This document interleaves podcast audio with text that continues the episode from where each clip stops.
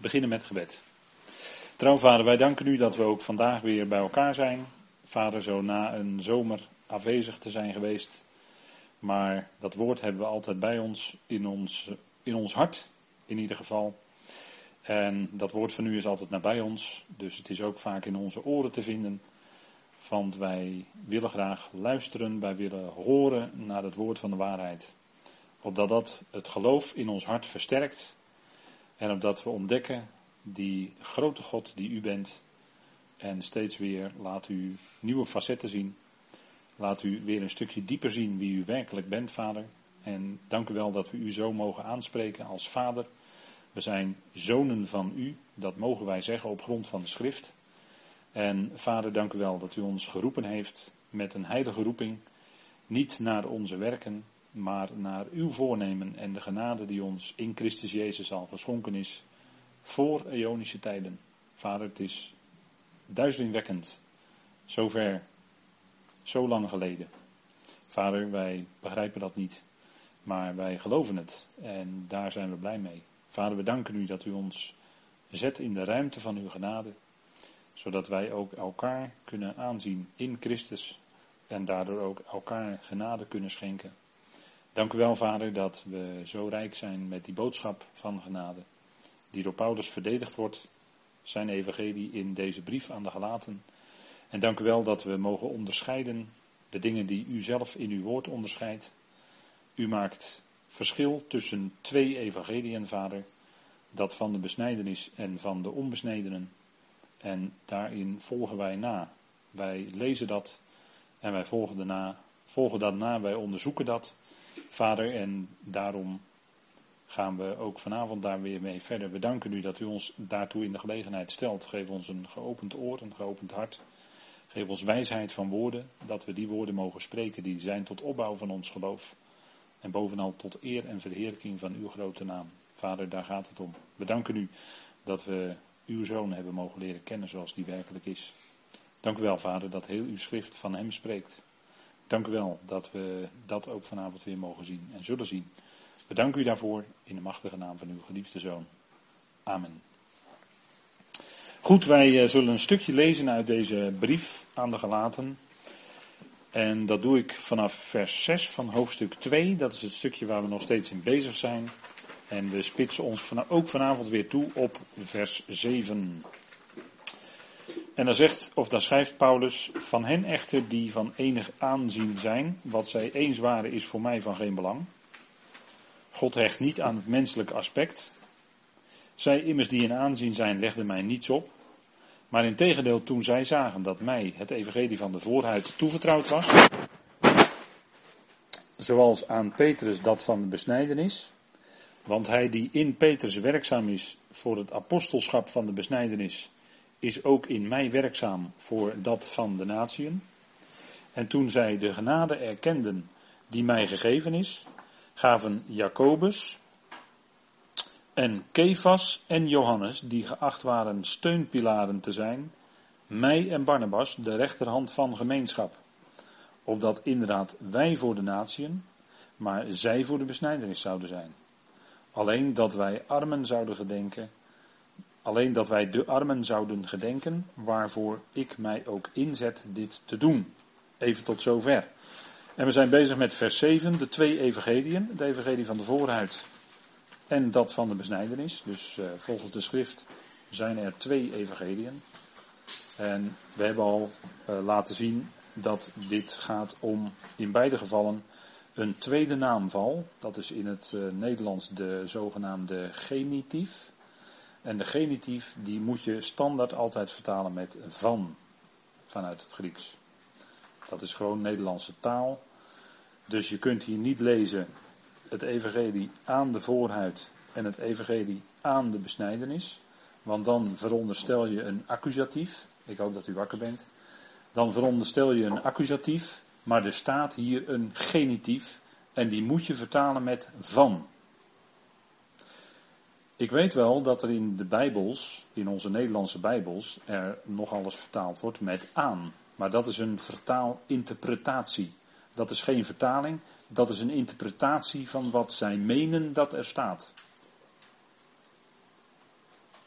Maar er staat een tweede naamval, genitief, de naam zegt het al. En dat is afgeleid van een Grieks woord dat heeft te maken met voortbrengen. Dus het duidt op de oorsprong van iets. Net zoals het koninkrijk van de hemelen uit die hemelen op aarde komt. Hè. Van wil dan zeggen, het is de oorsprong, het ontspringt aan de hemelen. Net zoals het evangelie van God ontspringt uit God. Want u wilt toch niet zeggen dat het het evangelie aan God is, hè? Nee, het is het evangelie van God. Dat is precies dezelfde naamval. Dus gaat het hier om het evangelie van de voorhuid. Dat was aan Paulus toevertrouwd. En aan Petrus en de andere apostelen het evangelie van de besnijdenis. Dat is wat er staat. En dit kunt u opnemen met iedere Griekse leraar of lerares. Ja, dit, en ik hoop dat, dat uh, dit even duidelijk is. Dit was even scherp, ja inderdaad, maar zo ligt het. Anders heb je een wereld van verschil. En raak je een heleboel dingen kwijt aan kostbare waarheid. Want in het christendom zien wij dat de twee evangeliën met elkaar gemixt zijn. En daardoor raak je de belangrijkste uh, facetten van beide evangeliën kwijt. Dus dan vervlakt de hele zaak. Dan heb je geen waarheid meer, zegt Paulus, en dan sta je onder het anathema. Dus heb je geen waarheid meer, maar ben je het kwijt. En dat is wat we allemaal om ons heen zien in het christendom. Helaas, helaas, want dat zeggen we met verdriet hoor. Zou dat liefst zien dat iedereen zo die waarheid zag. Maar ja, goed, dan moet er gelijk een heleboel opgeruimd worden, wat niet kosher is. om het zomaar even te zeggen. Want dan moet je van hele instituten af. Dan moet je gelijk hele uh, hele kerkgenootschappen en hun besturen en alles moet je allemaal gelijk gaan opheffen. Want dat is allemaal wat scheef gegroeid is in de loop van de tijd. Dat zijn de consequenties. En daar wil men natuurlijk niet aan, want men wil graag blijven in de bestaande structuren zoals die er zijn. En dan, daarom verzwijgt men, daarom verzwijgt men vaak de waarheid, terwijl men als theoloog die misschien soms wel weet, Daarom verzwijgt men de waarheid. En dat heeft verschillende redenen. Uh, men wil geen herrie in de tent, om het maar eens even plat te zeggen. Dat is één. En twee is, uh, ja, brood. Hè. Je verdient er ook je brood mee als theoloog zijnde natuurlijk. Ja, en als je dan toch ga, echt gaat zeggen wat er staat, dan raak je je broodwinning kwijt. Dan moet je wat anders gaan doen. Maar dan kan je altijd nog leren aan godsdienst worden op een middelbare school. Dan heb je toch een baan. Heb je toch een inkomen. Alleen je bent dan geen dominee of predikant meer. Want dat raak je kwijt, dat garandeer ik. Als een dominee of predikant de waarheid gaat vertellen vanaf de kansel, dan zal die binnen zeer korte tijd de kerkenraad op zijn dak krijgen en dan is hij geen predikant meer. Zo gaat het. ik zal dat niet illustreren met voorbeelden, maar die zijn er wel. Denk je, denk je dat ja. ze dezelfde waarheid gedaan weten dan? Niet alles, maar wel hier en daar weten ze echt wel hoe het zit. En eh, ik las laatst nog dat er eh, heel wat predikanten zijn binnen een bepaald genootschap die echt wel weten dat God de redder van alle mensen is. En dat God uiteindelijk met iedereen tot zijn doel komt, dus verzoend.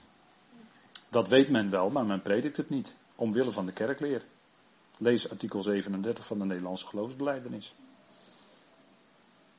Dat is het systeem. Dat is wat Paulus zegt, het, het systematische van de dwaling in Efeze 4.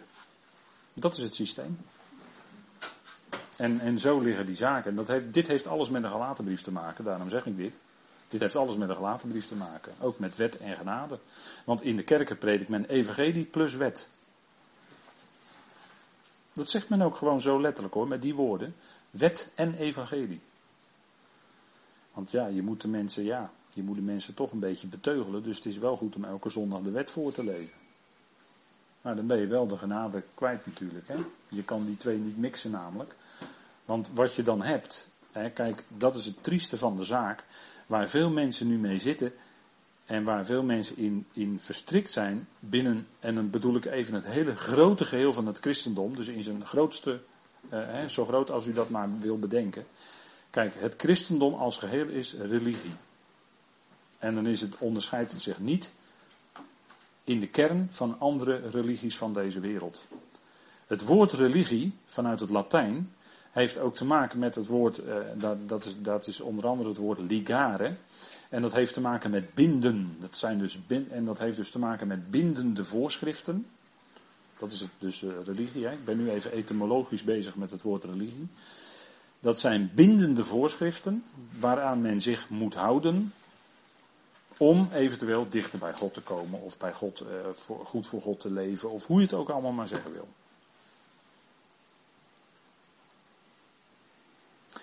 En iemand die zelf uit een religie komt, die in Nederland ook steeds populairder wordt, dat is het boeddhisme. Je ziet overal boeddha-beeldjes en boeddha. Je loopt, je loopt of fiets langs huizen en dan zie je een boeddha-beeldje in de tuin of in de kamer. Of je loopt een winkel binnen en je ziet ook boeddha-beeldjes.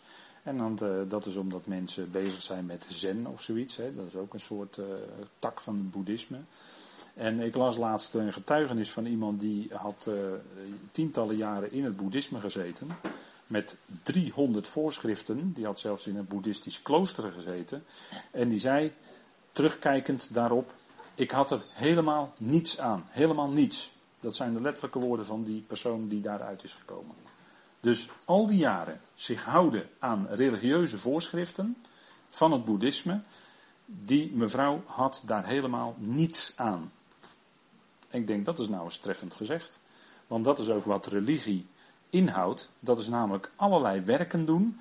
Je moet je aan allerlei verplichtingen houden. Het Jodendom kent de 613, want die schaar ik er ook gewoon onder hoor. Het Judaïsme is ook gewoon een religie, net als alle anderen.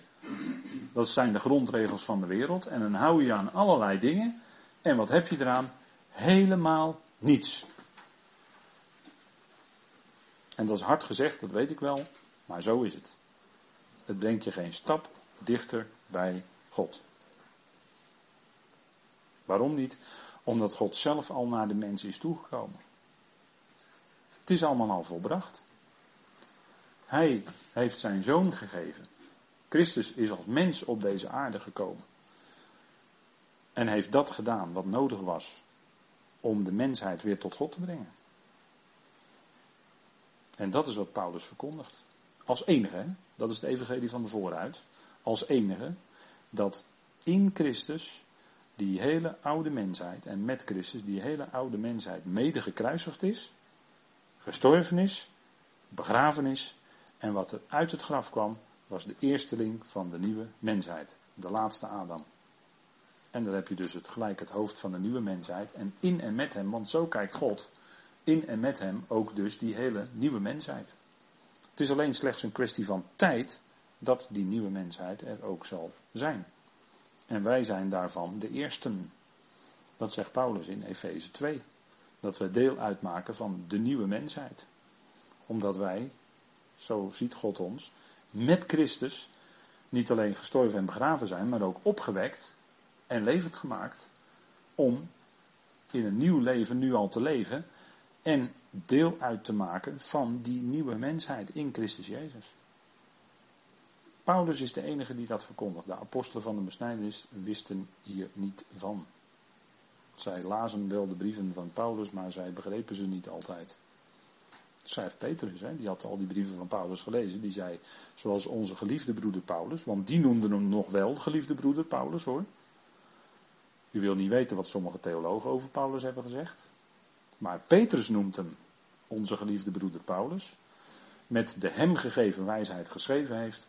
En daarvan zegt Petrus zelf welke dingen moeilijk om te begrijpen zijn of te verstaan zijn.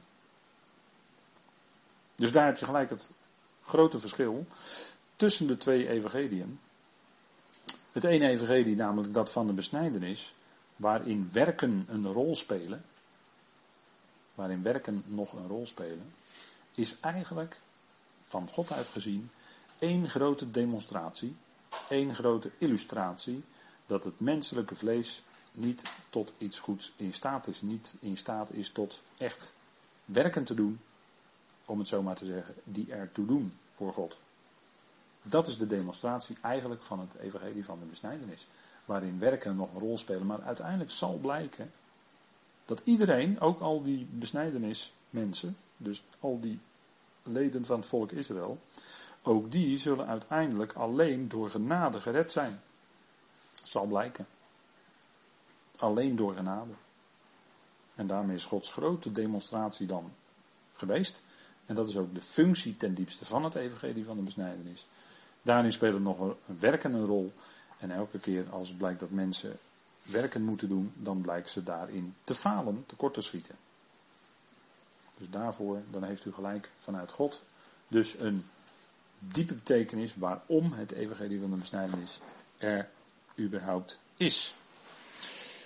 En dit gezegd hebbend, gaan we kijken dus verder naar die twee evangelie. We zijn de vorige keer al bezig geweest met ehm, dat evangelie van de vooruit. En we hebben gekeken aan de hand van het leven van Abraham, hè, weet u wel, met uh, Sodom en Gomorra en de koningen van Sodom. En uh, Kedor Laomer enzovoort en Melchizedek, daar zijn we vorige keer, ik hoop dat u zich daar nog iets van kunt herinneren. Maar daar zijn we de vorige keer mee bezig geweest. En we willen vanavond nog wat verder kijken in het leven van Abraham. En dan in dat gedeelte van het leven van Abraham waarin hij nog niet besneden was. Dus voor Genesis 17. Want daar heeft Paulus het over. In Romeinen 4. Galaten 2 hebben we gelezen met elkaar. Deze dia die zat in vorige presentaties ook verwerkt. Maar dat doe ik om deze waarheid verder zwaar te blijven onderstrepen. We kunnen het niet vaak genoeg zeggen. Blijkt elke keer weer. En soms denk ik wel eens, luisteren mensen eigenlijk wel. Maar goed, dat is dan mijn verzuchting. Luisteren mensen eigenlijk wel. En horen ze dan wat er gezegd wordt. En dan weet ik wel, God moet een hart openen. En God moet het verstaan geven. Enzovoort, enzovoort. Maar ik ben ervan overtuigd dat hoe meer je luistert. En God bidt om wijsheid. Hoe meer je er ook van gaat verstaan. Daar ben ik wel van overtuigd. Daar ben ik echt van overtuigd. Maar er zijn twee evangeliën. Voor u is dat gesneden koek. Twee apostelschappen, Paulus en Petrus, dat is voor ons allemaal zo klaar als een klontje. Dat is het ABC van de gelaten brief. Dit moet gewoon iedere gelovige gewoon weten. Dit is geen kwestie van twijfel, dit is, dit is gewoon weten. Dit moet je gewoon weten. Klaar. Twee evangelie met twee doelen. Deze dia is ook al vaker te zien geweest hier. Evangelie van de besnijdenis tegenover het evangelie van de voorhuid. Wat doet het evangelie van de besnijdenis? Het redt tot het aardse koninkrijk. En wij gaan binnenkort ook een keer spreken over het koninkrijk op de woensdagavonden. Er komt een hele reeks van bijbelstudies. En daar gaan we onder andere drie avonden lang spreken over het koninkrijk. Ik zou er wel tien avonden over kunnen spreken, bij wijze van spreken. Om uitputtend te laten zien hoe dat naar de schrift zit. En dan daarna denk ik dat er ook bij u weinig twijfel meer is over het begrip koninkrijk. Maar goed, dat uh, komt allemaal nog. Red tot het aardse koninkrijk dat door de profeten aangekondigd en beloofd was. En het evangelie van de vooruit red tot het lichaam van Christus voor een roeping te midden van de hemelingen in de hemelen. En zo is dat.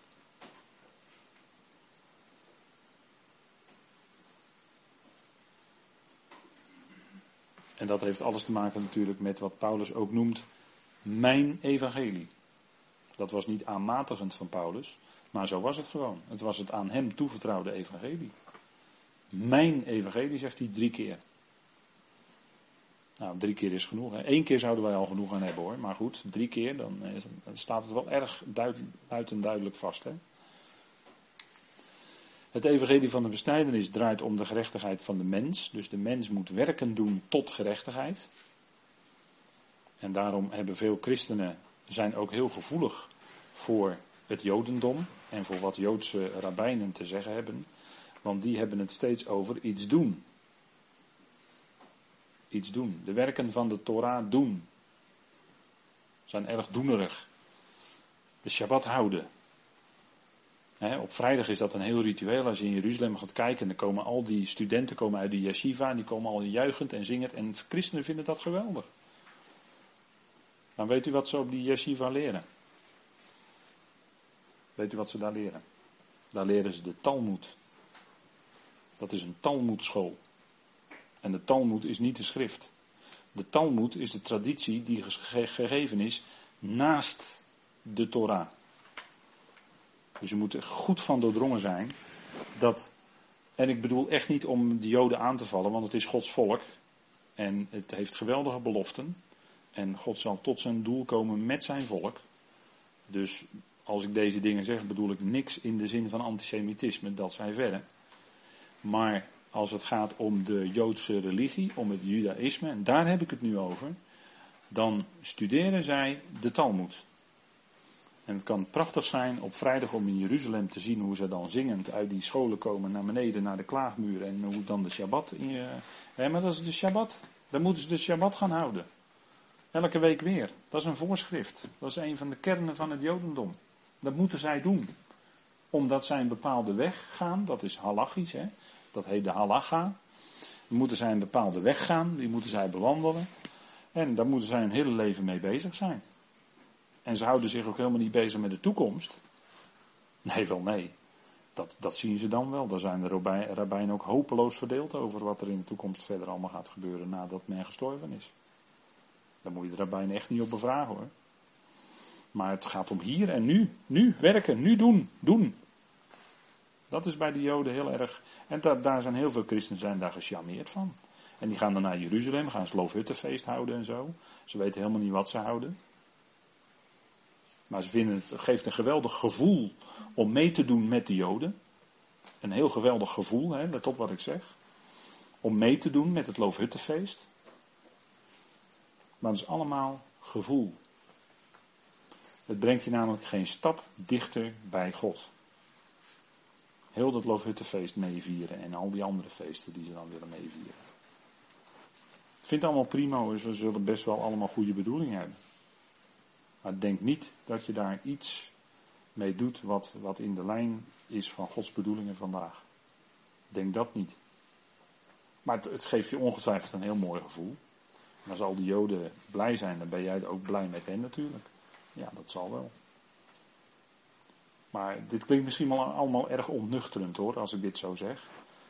Maar het gaat erom dat ze erin tuinen. Men tuint erin. Men gaat mee met een jodendom, met een talmoedisch jodendom, wat allerlei voorschriften kent. En, en hè, als ik u nu zeg dat bijvoorbeeld die hele talit, hè, die gebedsmantel, staat niets van in de schrift hoor, dat ze dat moeten maken. Dat is allemaal door de Talmud. Dat ze de, dat ze de, de, hoe ze de bruiloften vieren, hè, onder de goepa en het glasstuk trappen en weet ik wat allemaal, onder, de, onder, hè, onder die baldakijn. Dat is allemaal Talmoedisch Jodendom, daarvan staat niets, niets, niets in de schrift. Het zijn allemaal voorschriften van de rabbijnen. Dat staat er niet hoor, ga het maar zoeken. Het staat er gewoon niet. En als gelovigen willen wij toch bijbels leven. Nou, als dat nou niet in de Bijbel staat, en je gaat daarin mee. Wat doe je dan? Nou, dan doe je iets wat buiten de Bijbel staat. En, en, en, en, mensen komen dan onder bekoring over de, de kennis van de rabbijnen. Nou goed, als het, als het inderdaad toeleidt tot diepere kennis van de schrift zelf, dan zeg ik akkoord. Maar pas heel erg op. Want binnen de kortste keren zit je in de verdichtsels en in de mythen. Dus dat is allemaal waar Paulus dus uit vandaan kwam. Hè? Paulus, die kwam uit het judaïsme, die kende dit van binnenuit, wat ik nu allemaal zeg. En weet u wat Paulus zei in Filippenzen 3 daarvan? Ik acht het schade en drek. Ik hoop dat u weet wat drek is. Dat achtte niet het. Zijn verleden uit het judaïsme. Schade en drek. Hij had dat helemaal, dat hele judaïsme, met die hele halacha, met die hele, alles wat ermee te maken had, had hij achter zich gelaten. Weet u waarom? Omdat het hem ging om de kennis van Christus Jezus zijn Heer. Hem te kennen. En de kracht van zijn opstanding. En die kracht van zijn opstanding is veel meer en geeft een diepere blijdschap. Een oneindig veel diepere blijdschap dan de oppervlakkige blijheid die je maar even hebt als je met die Joodse dingen meedoet. En dat had Paulus ervaren in zijn leven. En daarom schreef hij zo fel erover in Filippenzen 3. Paulus kende het van binnenuit hoor. Maar het lijkt wel alsof christenen Filippenzen 3 nooit lezen. En als Paulus dan wenend, hij zegt het huilend, he, wenend, als hij dan zegt dat velen wandelen als vijanden van het kruis van Christus, dan heeft hij, heeft hij het over deze dingen, dat mensen religieus bezig zijn. Hun God is de buik. Dat betekent het gaat hem om de buitenkant. Vleeselijk dus. Maar Paulus ging het om de binnenkant. Om de kennis van Christus. Niet kennis, dat is geen verstandelijke kennis hoor, want het gaat om, om het hart. Het gaat om hartekennis dan. De kennis van Christus Jezus, mijn Heer. Hem te kennen en de kracht van zijn opstanding. Dat was voor Paulus eh, alles. Dat was voor Paulus alles. Daar strekt hij zich naar uit. En daar hebben we het dan over vanavond. En dat is niet uh, een verschil in, in inzicht. Nee, dat is een verschil in hoe je leeft. Hoe het van binnen in je hart er bij jou uitziet. Daar heeft het mee te maken. Deze dingen. Daarom is dit fundamenteel van belang. Dat we ons niet laten meeslepen door allerlei, hoe mooi ook aan de buitenkant, dingen die mooi lijken, maar in feite van Christus afleiden. Want nergens is de haat groter tegen de Heer Jezus Christus dan binnen rabbijnen van het Jodendom. Zij waren het ook die hem hebben gekruisigd. Weet u nog? Dat waren de schriftgeleerden, de overpriesters en de fariseeën. Die. Die hebben ervoor gezorgd dat hij aan het kruis geslagen werd hoor. En dat is dus een uiting van haat tot en met. Nou, dit heeft allemaal te maken met de boodschap van de gelatenbrief. Met die twee lijnen, de twee evangeliën. Waar ga je in mee? Ga je mee in het evangelie van de besnijdenis? Of erger nog in een meng-evangelie? Wat helemaal geen evangelie is. Dat is helemaal geen goed nieuws. Of blijf je bij wat Paulus ons geleerd en overgeleverd heeft. En dat is een, dat is een boodschap die uh, toch heel wat die hier zitten al uh, tientallen jaren kennen. En daarbij blijven we ook. Hè. Nou, kijk, het evangelie van de voorhuid. Hè. Bij het evangelie van de besnijdenis gaat het om de gerechtigheid van de mens. Wat je doet, daar legt de rabbijn erg nadruk op. Doen. Doe dat en ga je zult leven. Hè. Galaten 3. Paulus kende het hoor, stond in Leviticus. Maar Paulus wist natuurlijk feilloos. Doe dat en ga je zult leven, zei de Torah. En wat is het bij Paulus?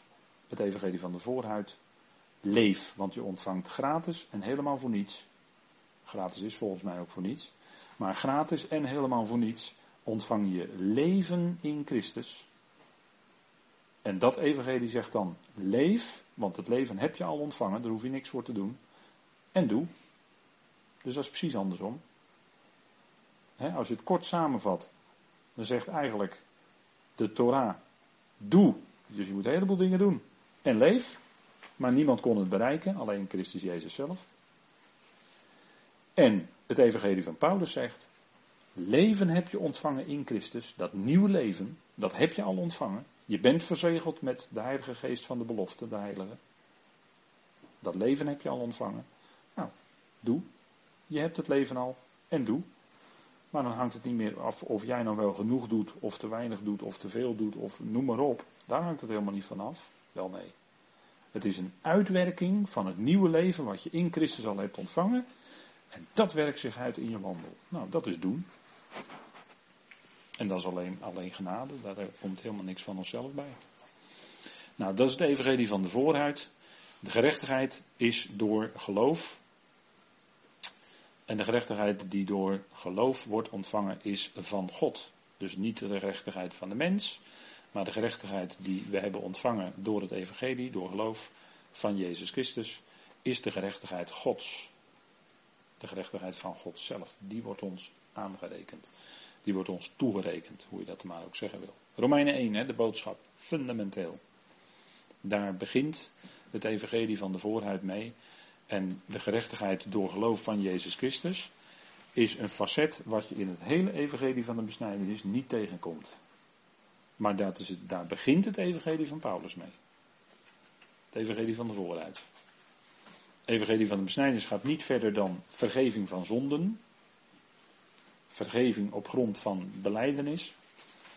En het evangelie van de apostel Paulus, het evangelie van de vooruit, begint met dat je gerechtvaardigd bent om niet in zijn genade door de vrijkoping die in Christus Jezus is. Alsjeblieft. Dat is genade in optima forma. En ik citeer het nog maar een keer. Romeinen 3. Het is gratis, het is om niet, het is in genade, het is door het geloof van Jezus Christus.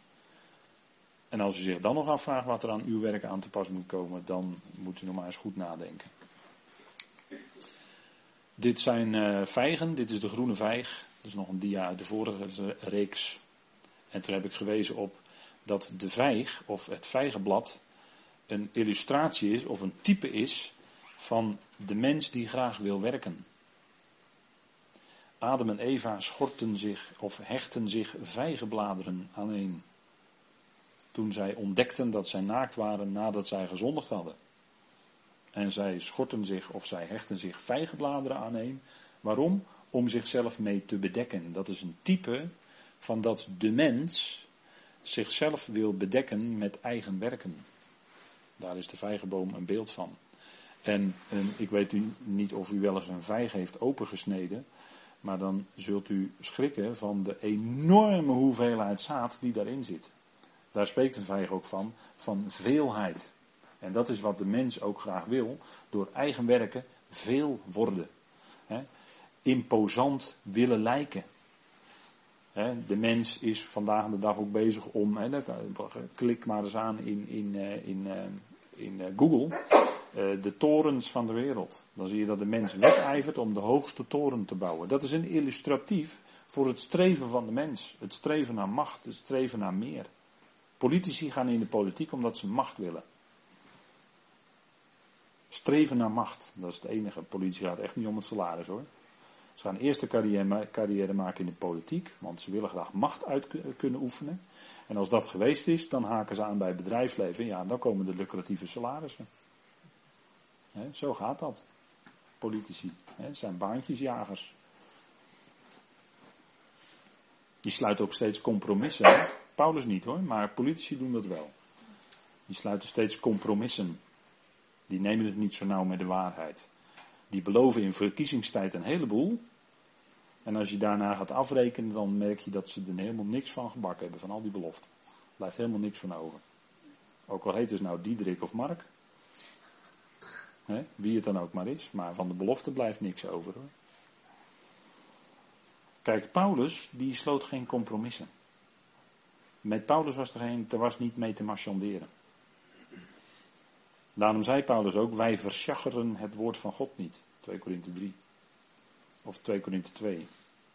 Wij versjaggeren, wij sjoemelen daar niet mee. Daar valt niet mee te marchanderen.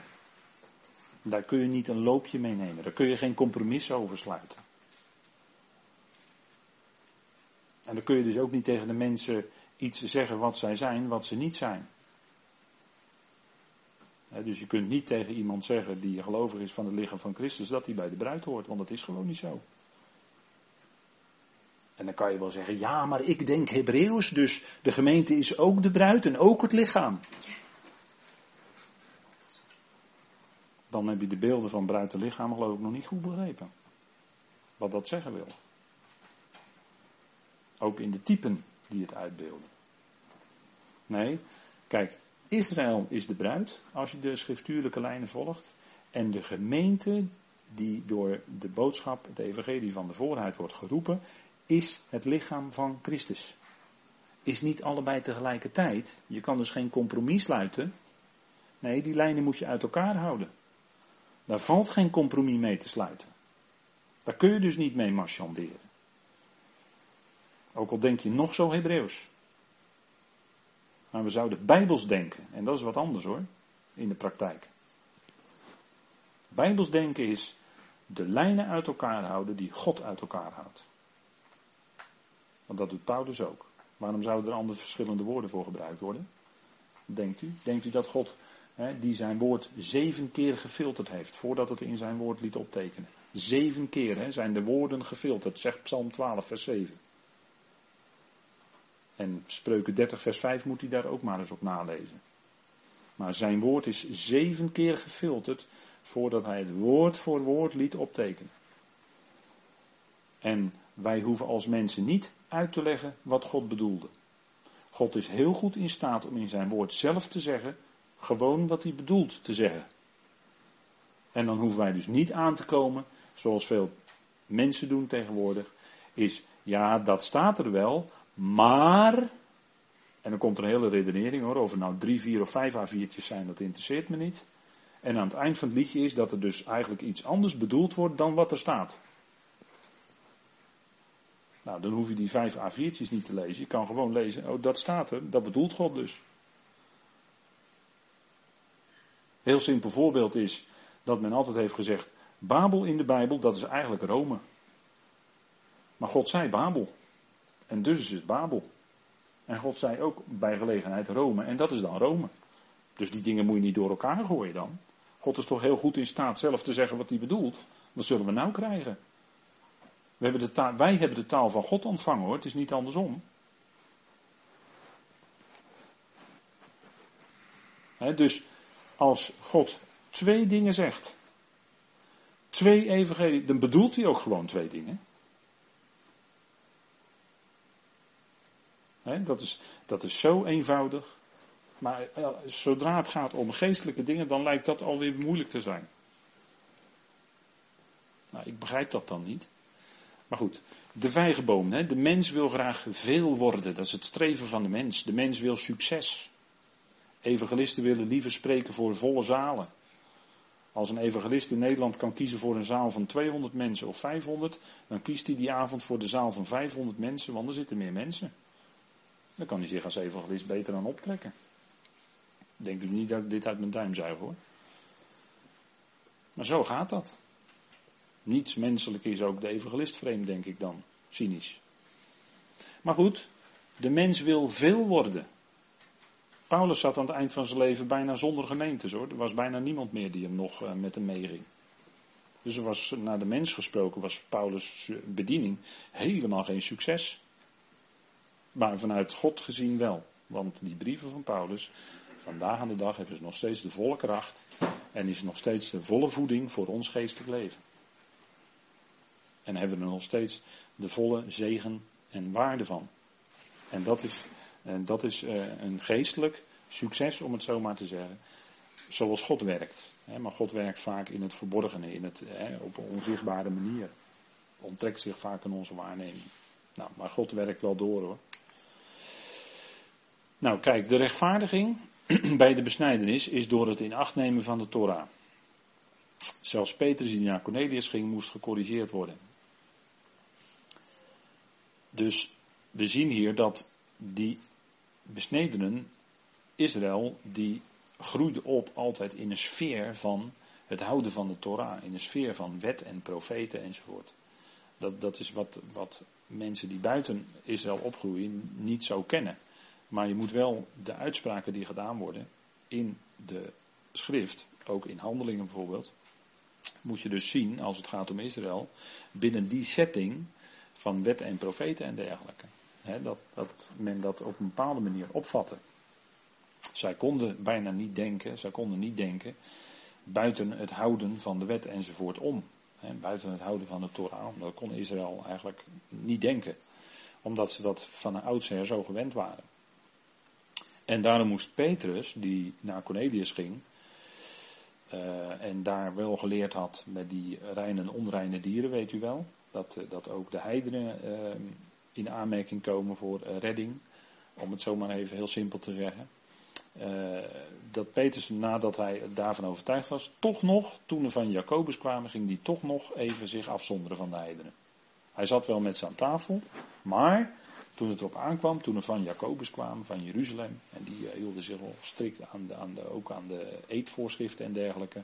Toen trok Peter zich gauw terug en ging hij niet langer met die heidenen aan tafel. Weet je wel, dat, dat gebeurde. En gaat Paulus, die gaat hem in het openbaar, gaat hij hem aanspreken. dat heb ik de vorige keer ook gezegd. wij zouden misschien gezegd hebben van joh, eh, kom eens even bij me in een apart kamertje, even rustig met elkaar praten. En uh, dan kunnen we de zaak rechtzetten. Nee, Paulus ging het openbaar, ten aanhoren van allen, wees die Petrus terecht. En waarom was dat? Nou, dat had alles te maken met de waarheid van zijn evangelie wat hij verkondigde. En dat had ook te maken met omgang tussen Joden en niet-Joden en, en met, met eetvoorschriften. Want dat hele koosjere eten, wel of niet, dat heeft ook allemaal te maken met religieuze voorschriften en daar, daar ging men eh, ook binnen het Jodendom, nog steeds gaat men daar heel ver in. Dan heeft men twee serviezen en twee vaatwassers en alles apart. Ja, het is echt zo.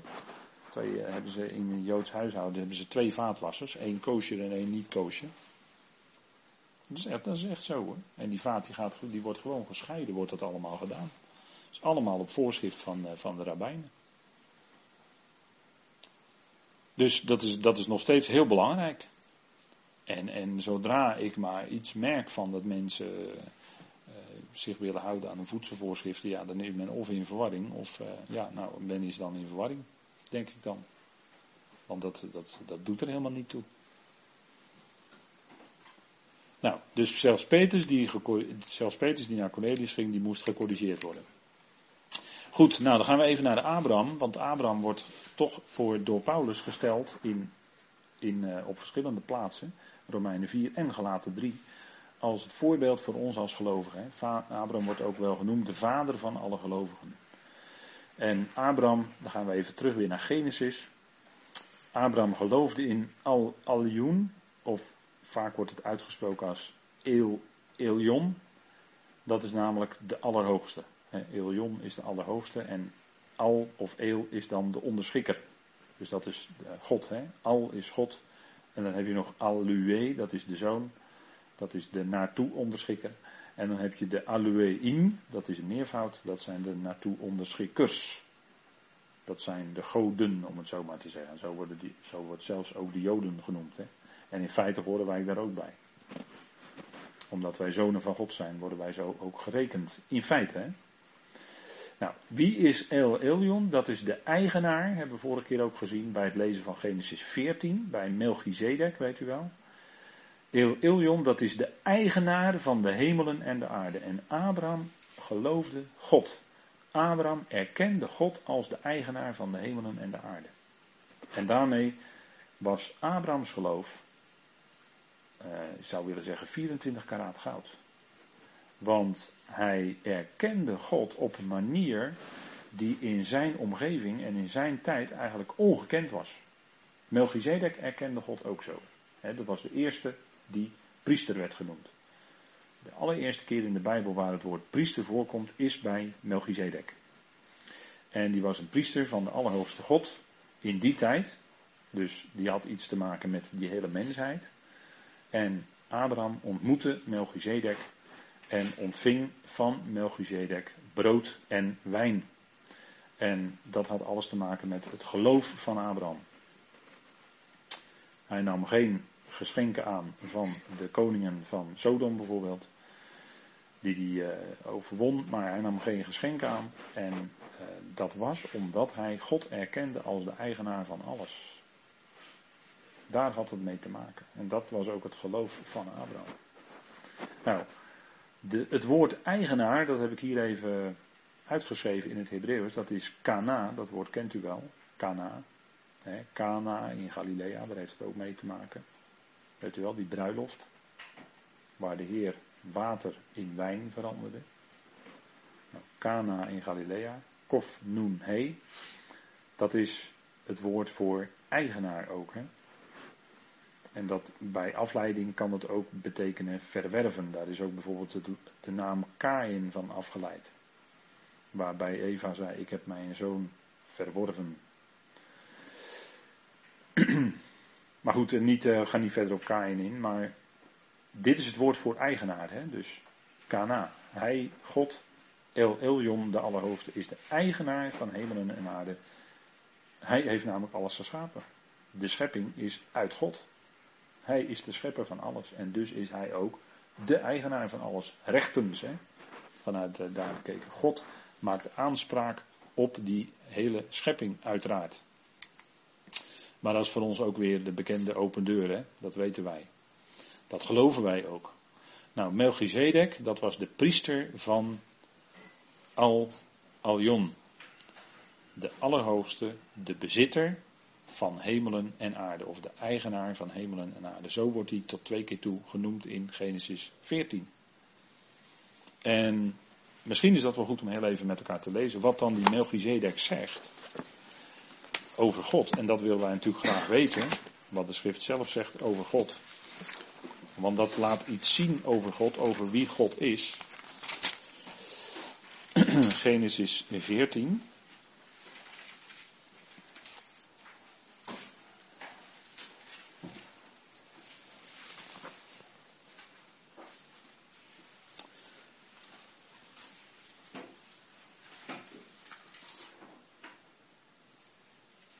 En er staat in vers 18, en Melchizedek, de koning van Salem, bracht brood en wijn. Hij was een priester, dus hier komt het eerste keer het woord Kohen voor in de schrift. Hij was een priester van God de Allerhoogste, El Elion. En hij zegende hem, dus Melchizedek zegende Abraham en zei, gezegend zij Abraham door God de Allerhoogste, die hemel en aarde bezit. Dus de bezitter van hemel en aarde. Wat geweldig is dat, hè? Dat Melchizedek dat zegt. Het is natuurlijk waar, wij weten dat, maar hier wordt het vastgesteld in de schrift. Hij is de eigenaar, de bezitter van hemelen en aarde. Dat is wat. Die grote God die wij mogen kennen als de Vader van onze Heer Jezus Christus. Die God is de eigenaar van alles. En wij zijn ook schepselen en daarmee behoren wij sowieso van daaruit al aan Hem toe. Is Hij sowieso al onze eigenaar, maar nog veel meer. Wij zijn leden van het lichaam van Christus en daarom in een unieke relatie, om het zo maar te zeggen, met God gebracht. Hè? Heel bijzonder. Nou, kijk, Melchizedek, die zegt dan, en die zegent Abraham. En hij brengt voort brood en wijn. En dat is eigenlijk al wat de mens nodig heeft. Maar hij zegt nog meer. En hij zegt geloofd. En eigenlijk staat er dan ook weer gezegend. Baruch, hè, bekende Baruch. Zij God de Allerhoogste. Die overgeleverd heeft uw tegenstanders in uw hand. En dit is iets bijzonders wat Melchizedek doet. Hij zegent namelijk niet alleen Abraham, maar hij zegent ook God. Hij spreekt namelijk goed over God. Baruch, dat, uh, ja, dat, dat, is, dat vertalen we met de zegenen en dat is het ook wel. Um, en dat, dat heeft uh, te maken met uh, dat je God looft, dat je God de eer brengt, dat je, ja, vanuit het Griek zeggen we dan het is goed spreken over. Nou, dat is wat, wat Melchizedek hier ook doet. Hè. gezegend zij God, de Allerhoogste, die overgeleverd heeft uw tegenstanders in uw hand. Want Kijk, Abraham die overwon die koningen die Lot hadden weggevoerd. En Abraham ging erachteraan om zijn neef Lot te bevrijden. Lot was eigenlijk ook wel een gelovige, maar ik heb ook de vorige keer gezegd, de naam Lot betekent sluier. Dus er lag bij Lot een beetje een sluier over zijn geloof. Dat had te maken met zijn instelling, zijn zielse instelling als gelovige daarom was zijn geloof wat versluierd. En zo is vandaag aan de dag ook het geloof van mensen vaak wat versluierd. Ze hebben niet een helder zicht op wie God is. Had Abraham wel hoor. En die geloofde God. Maar uh, Melchizedek, die zegent God hier, de Allerhoogste. Want Melchizedek wist dat God, El Elyon, de tegenstanders, dus de vijanden, overgeleverd had in de handen van Abraham. Dus Abraham kon in die strijd de overwinning behalen, omdat God hem die overwinning gaf. Zo was het eigenlijk. Niet anders dan dat. En als er, eh, omdat, omdat Abraham die neef van hem kon bevrijden, dat was een werk van God ten diepste. Nou, dat zei uh, Melchizedek, hè. Gezegend zij God. Dus niet alleen gezegend zij Abraham, en mensen, ook gelovige mensen, zijn vaak uit op zegen voor zichzelf. Dat zij gezegend worden. Hè? Dat, dat mensen naar een samenkomst gaan, opdat ik gezegend word.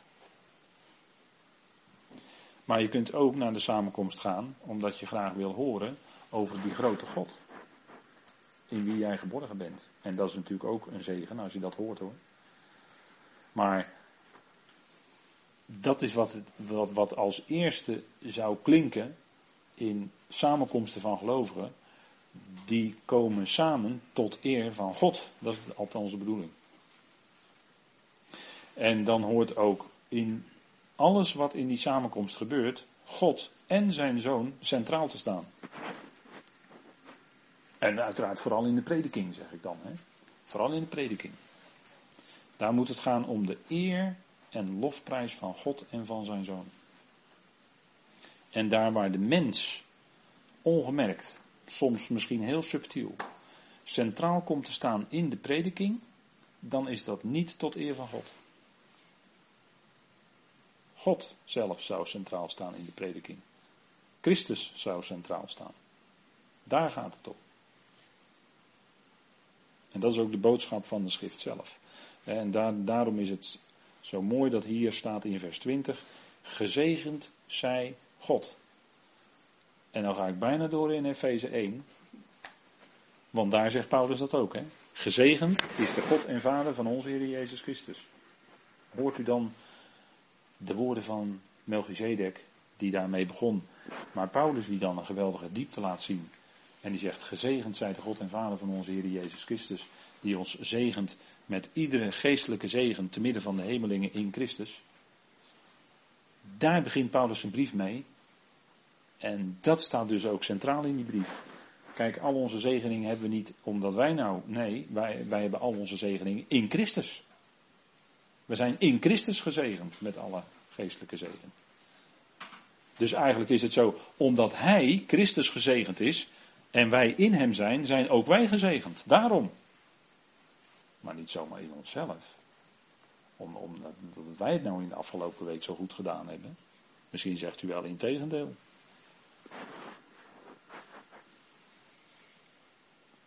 Nee, het gaat erom dat elke keer weer dat wat God en wat Christus doen, dat dat centraal staat. Omdat dat tot eer van God is en omdat dat werkelijk je geloof bouwt. En dan kun je ook de week door.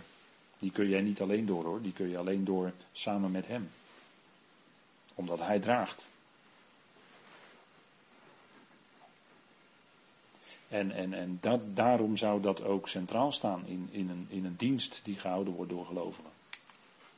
Nou, brood en wijn. Hè. We gaan even terug naar de Genesis 14.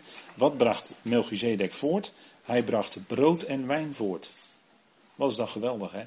Want kijk, brood is natuurlijk een type, als we het geestelijk toepassen voor onszelf, is natuurlijk een type van het woord van God. De Heer Jezus zei, de mens zal niet leven van brood alleen. Dat zei hij in, uh, in, uh, in zijn uh, in zijn situatie in de wildernis, hè, toen de tegenwerker kwam om hem te verzoeken, of om hem te beproeven, hoe je het zeggen wil. Maar toen zei de Heer Jezus, de mens zal niet leven van brood alleen. Want hij zei, ja, laat maar zien dat je de zoon van God bent, ga die stenen maar in brood veranderen. De Heer zei, de mens zal niet leven van brood alleen. Maar van alle woord of van alle uitspraken die uit Gods mond uitgaan. Daar zal de mens van leven, daar gaat het om. De Romeinen wisten het al. Je moet de grote massa, je moet het publiek afleiden met brood en spelen. Nou, vandaag de dag is er niks. Er is niks nieuws onder de zon, hè, zegt de prediker. Alles wordt herhaald. In het Frans zeggen ze dat heel mooi. L'histoire se répète. Oftewel, de geschiedenis herhaalt zich. Maar dat zei de prediker al hoor. Die zei: alles wat al geweest is, dat zal er ook weer zijn. Dus die wist het al veel langer dan dat wij dat. Hè? Maar het is wel eens goed om de prediker te lezen hoor. Dat is een beetje nuchter. Erg nuchter allemaal. Alles, alles wat wij als mensen, als drukke bezige bijen mee bezig zijn. En dan zegt de prediker, die kijkt er zo met een afstandje naar. Die zegt, ja, alles is ijdelheid. Wat heeft dat nou voor resultaat? Die vrouw die uit het boeddhistische klooster kwam, die zei het. Helemaal niets. Inderdaad. Nee, dat heeft ook geen resultaat. Maar wat werkelijk blijft, is dat woord van God. Daarom wees de Heer Jezus daar natuurlijk op. Want dat is de waarheid. En dat mag je tegenwoordig ook niet meer zeggen. Ook niet onder gelovigen. Mag je eigenlijk niet zeggen dat dat wat er staat geschreven, dat dat de waarheid is. Want ieder heeft tegenwoordig zijn eigen waarheid. Dat is onder gelovigen ook zo. En dan gaan we met elkaar in gesprek, want dan kunnen we van elkaar leren. dacht het niet. dacht het niet. Nee, want het veronderstelt dat iedereen zijn eigen waarheid heeft. Weet u, weet u waar dat eigenlijk ten diepste vandaan komt? Moet u niet schrikken hoor. Maar dat komt van uh, uh, egalité en liever koffie. Uh, nee, liever liberté. Ja, dat is een grapje, maar niet van mezelf hoor. Maar daar komt het eigenlijk vandaan. De Franse Revolutie. En degene die die begrippen met z'n drieën toen in, in hebben gebracht om die revolutie teweeg te brengen, die wisten zelf dat het onzin was. Kom nou toch gelijkheid. Alle mensen gelijk, kom nou toch. Ieder mens is verschillend. Dat slaat echt helemaal nergens op. Maar daar komt het vandaan. In 1980, 79 verscheen het eh, rapport over het schriftgezag binnen de gereformeerde kerken. Ik weet het nog als de dag van gisteren bij wijze van spreken. Dat rapport heette God met ons. En daar werd het absolute waarheid werd afgeschaft. Ten behoeve van de waarheid van ieder heeft zijn eigen waarheid, laat ik het zo maar zeggen. Ieder mens heeft zijn eigen waarheid. Joh, dat zeg jij nou wel, maar ja, voor mij is dat niet waar. En, en ja, dat je in de Bijbel leest dat dat er staat en jij zegt dat dat waar is. Ja, dat is voor jou waar misschien, leuk, maar voor mij niet. Of uh, wij gaan met elkaar zitten, hè, gezellig bij elkaar zitten. En dan gaan we met elkaar praten en hebben de Bijbel erbij en zo. En dan, en dan gaan we van elkaar gaan we leren. Dat is precies hetzelfde. Dan, dan heeft die die waarheid, maar die ander ziet het anders. Dat, dat is voor die dan waar. Maar dat hoeft voor die vorige ook niet waar te zijn. Want ja, die heeft een andere mening. Begrijpt u? En begrijpt u ook dat je dan met heel zo'n gesprek geen stap verder komt? Helemaal niks. Nee, daar ben ik snel klaar mee met dat soort dingen. Waar je wel verder mee komt, is te aanvaarden wat God zegt. Het je laten voorhouden. Je laten voorhouden door leraren die bekwaam zijn om te leren. En ik heb me de dingen voor laten houden door broeder Nog onder andere. Dat is er één van. Dat zeg ik niet om hem op een voetstuk te zetten hoor. Maar dat was een instrument in Gods hand die Gods woord boven tafel bracht. Dat is een enorm iets. Gods woord op tafel leggen. Want dat is de waarheid. Dat zei de Heer Jezus toch ook in Johannes 17? Heilig hen in uw waarheid, bad hij tot de Vader. Uw woord is de waarheid. De Heer Jezus herkende dat ook. En ik schaar mij heel graag en heel snel bij hem.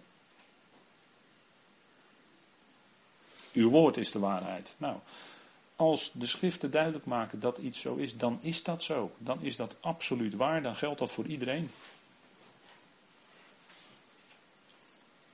Daar valt dus niet mee. Ik ben vanavond begonnen met marchanderen. Maar daar valt niet mee te sjoemelen. Dat, zijn dingen die, dat zijn dingen die waar zijn, die staan geschreven. En als God dat zegt, dan is dat zo. Punt. Nou, brood hebben we dus nodig. Hè? Werkelijk brood.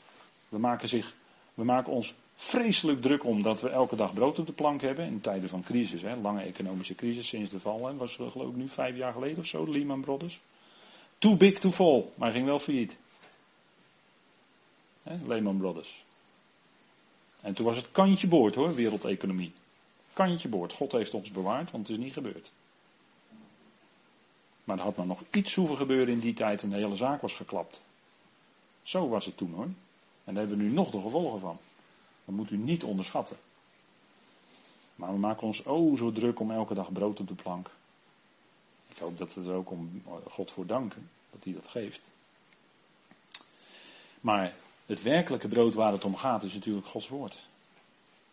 ik, ik, kijk dan altijd naar hele arme mensen in landen waar mensen het heel arm hebben. Maar oh, wat zijn ze rijk en wat straalt dat van het gezicht af. Als ze Gods woord kennen, als het gelovigen zijn. Dan leven ze met het woord. En dan is misschien de Bijbel het enige wat ze hebben.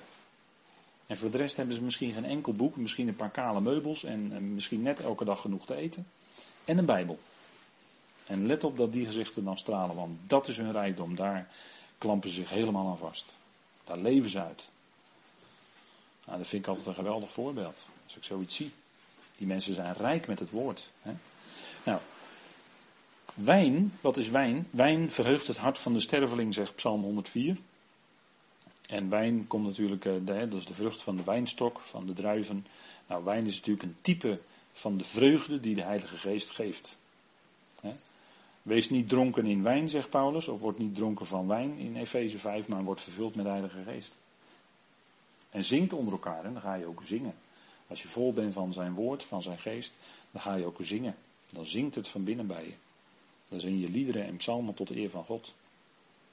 Ongemerkt terwijl je gewoon bezig bent met je dagelijkse dingen die moeten gebeuren. Maar het zingt in je hart. Ken je dat? Dat is die wijn, dat is die wijn die God geeft. Het evangelie, de beloften. Nou, dat is toch heerlijk. Nou, Abraham die geloofde en dat werd hem gerekend tot gerechtigheid. He, Abraham wordt niet alleen gezegend, maar ook de gever van de zegen wordt gezegend. Dat is het doel en het einde van alle gerechtigheid van God. He, uh, we kennen natuurlijk hele eh, denominaties die zich uitstrekken naar gaven van de geest. Maar ik hoop dat ze zich vooral en boven alles uitstrekken naar de gever van die gaven. De gever zelf. Want die komt dan wel eens op de achtergrond, ben ik bang. Maar het gaat om de gever, hè? het gaat niet om de gaven. Het gaat om de gever zelf. Nou, dat is het doel en einde van alle gerechtigheid van God. Hè? Als Hij, de zegengever, ook wordt gezegend. Goed, zullen wij een moment pauzeren.